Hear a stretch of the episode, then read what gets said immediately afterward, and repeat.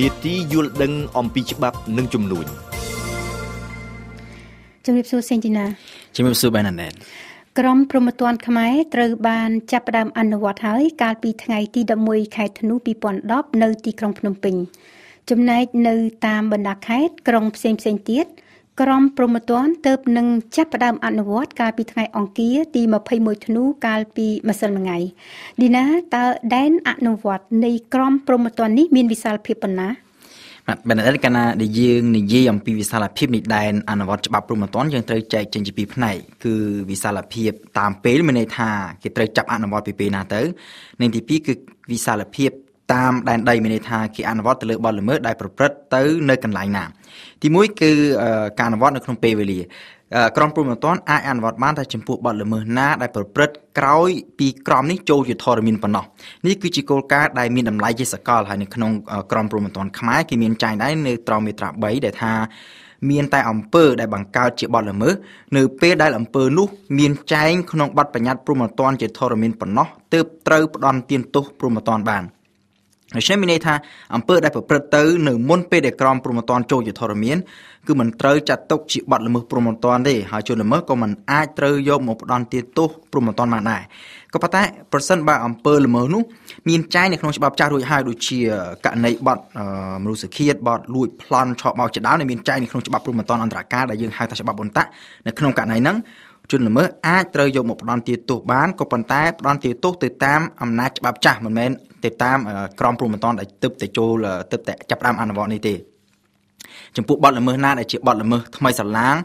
ទើបនឹងមានចែងនៅក្នុងក្រមព្រហ្មទណ្ឌថ្មីហើយមិនមានចែងនៅក្នុងច្បាប់ចាស់ដូចជាករណីបទបង្ហាញគេភេទបទញុះញង់អនិច្ចអនិច្ចជនឲ្យសំទានបទញុះញង់អនិច្ចជនឲ្យបរិភោគគ្រឿងស្រវឹងជាដើមគឺជនល្មើសអាចត្រូវយកមកផ្ដន់ទាទោសបានលុះត្រាតែអំពើល្មើសត្រូវបានប្រព្រឹត្ត ក្រោយពីក្រមព្រហ្មទណ្ឌចូលជាធរមានហើយ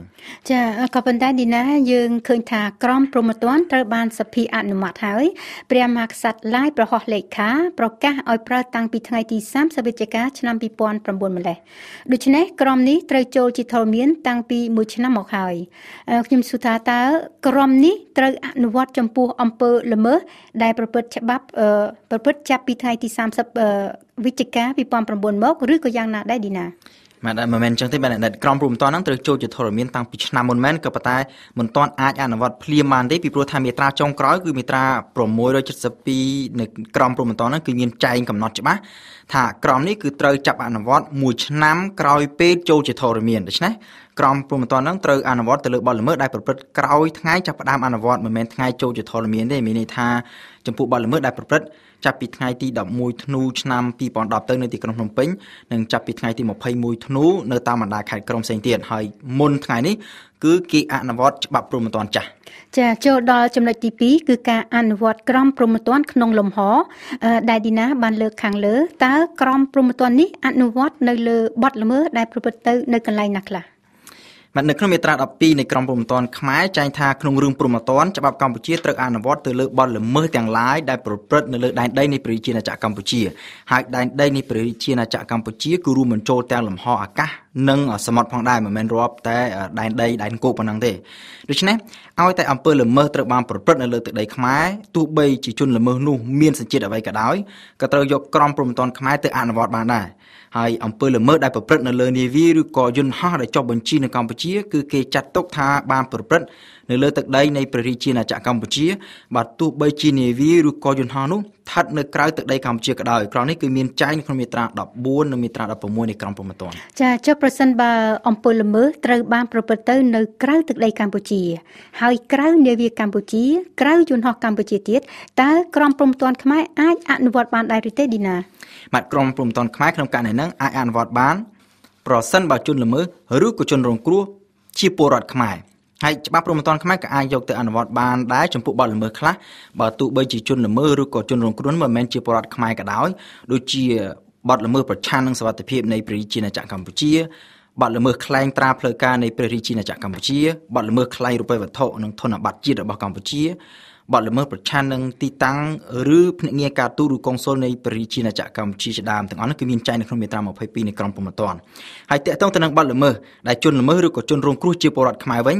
ក្រមព្រហ្មទណ្ឌខ្មែរគឺបែងចែកជាពីរករណីទី1គឺករណីដែលបទល្មើសប្រព្រឹត្តដោយពលរដ្ឋខ្មែរគឺមានចែងក្នុងមាត្រា19ក្នុងនេះគឺបានចែងថាបទល្មើសដែលប្រព្រឹត្តនៅបរទេសដោយពលរដ្ឋខ្មែរគឺគេអាចយកច្បាប់ព្រហ្មទណ្ឌខ្មែរទៅអនុវត្តបាន តែចំពោះបទអក្រិតនិងបទមជ្ឈិមប៉ុណ្ណោះចំពោះបទលហុគឺមិនអាចយកទៅអនុវត្តបានទេហើយចំពោះបទអក្រិតនិងបទមជ្ឈិមនឹងទៀតក៏ត្រូវបែងចែកជាពីរករណីផ្សេងគ្នាដែរគេថាទី1បើសិនជាបទល្មើសនោះជាបទអក្រិតក្រមព្រហ្មទណ្ឌខ្មែរត្រូវយកទៅអនុវត្តទោះជាបទអក្រិតនោះមានចែងឬគ្មានចែងក្នុងច្បាប់របស់ប្រទេសដែលជាទីកន្លែងប្រព្រឹត្តបទល្មើសក៏ដោយផ្ទុយទៅវិញបើសិនជាបទល្មើសនោះជាបទមជ្ឈិម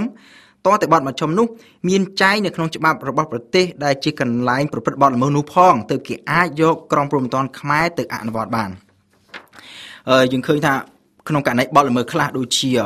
បទស្លៀកដណ្ដប់បែបព្រះពុទ្ធសាសនាដែលគ្មានសិទ្ធិជាដើមគឺជាបទមជ្ឈិមនៅក្នុងក្រមព្រហ្មទណ្ឌខ្មែរថ្មីត្រង់មាត្រា508ក៏ប៉ុន្តែនៅក្នុងច្បាប់ប្រទេសខ្លះដែលមិនកាន់ព្រះពុទ្ធសាសនាគឺបទល្មើសបែបហ្នឹងគឺមិនមានទេដូច្នេះក្នុងករណីហ្នឹងច្បាប់ព្រហ្មទណ្ឌខ្មែរមិនអាចយកទៅអនុវត្តបានទេ ហើយកន្លែងនេះចង់បញ្ជាក់បន្ថែមបន្តិចត្រង់រឿងសញ្ជាតិខ្មែរនៃជនល្មើសច្បាប់ព្រហ្មទណ្ឌខ្មែរនៅតែអាចយកទៅអនុវត្តបានទោះបីជាជនល្មើសនោះទទួលបានសញ្ជាតិខ្មែរក្រោយពេលប្រព្រឹត្តបទល្មើសក៏ដោយឲ្យតែចូលនៅក្នុងករណីទាំងពីរខាងលើគឺបទអក្រិតនិងបទមជ្ឈិមឧបមាថាជនបរទេសម្នាក់ប្រព្រឹត្តបទអក្រិតនៅក្រៅទឹកដីកម្ពុជាហើយក្រោយមកជនល្មើសហ្នឹងទទួលបានសញ្ជាតិខ្មែរក្នុងករណីហ្នឹងជនល្មើសអាចត្រូវតុលាការកម្ពុជាយកមកកាត់ទោសតាមច្បាប់ព្រហ្មទណ្ឌខ្មែរបានករណីទី2គឺករណីបទល្មើសដែលប្រព្រឹត្តទៅលើពលរដ្ឋខ្មែរ គឺថាយោងតាមមាត្រា20នៃក្រមព្រហ្មទណ្ឌច្បាប់ព្រហ្មទណ្ឌខ្មែរគេអាចយកទៅអនុវត្តបានទៅលើគ្រប់បទអក្រិតដែលប្រព្រឹត្តនៅបរទេសបើសិនជាជនរងគ្រោះនោះមានសញ្ជាតិខ្មែរបើទោះជាជនល្មើសជាពលរដ្ឋខ្មែរ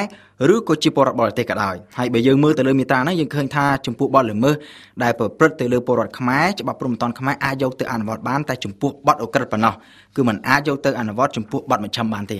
ចាតើបទអក្រិតនិងបទមជ្ឈិមខុសគ្នាត្រង់ណាខ្លះឌីណា បាទបែនដិតបទអក្រិតនិងបទមជ្ឈិមនេះគឺខុសគ្នាត្រង់កម្រិតទោសតែក៏ពិតនិយមន័យគេបែងចែកបទល្មើសហ្នឹងនៅក្នុងក្រមព្រហ្មទណ្ឌខ្មែរគេបែងចែកជា3ហើយនិយមន័យនៃបទល្មើសទាំង3ហ្នឹងគឺគេមានចែងគឺមានបទអក្រិត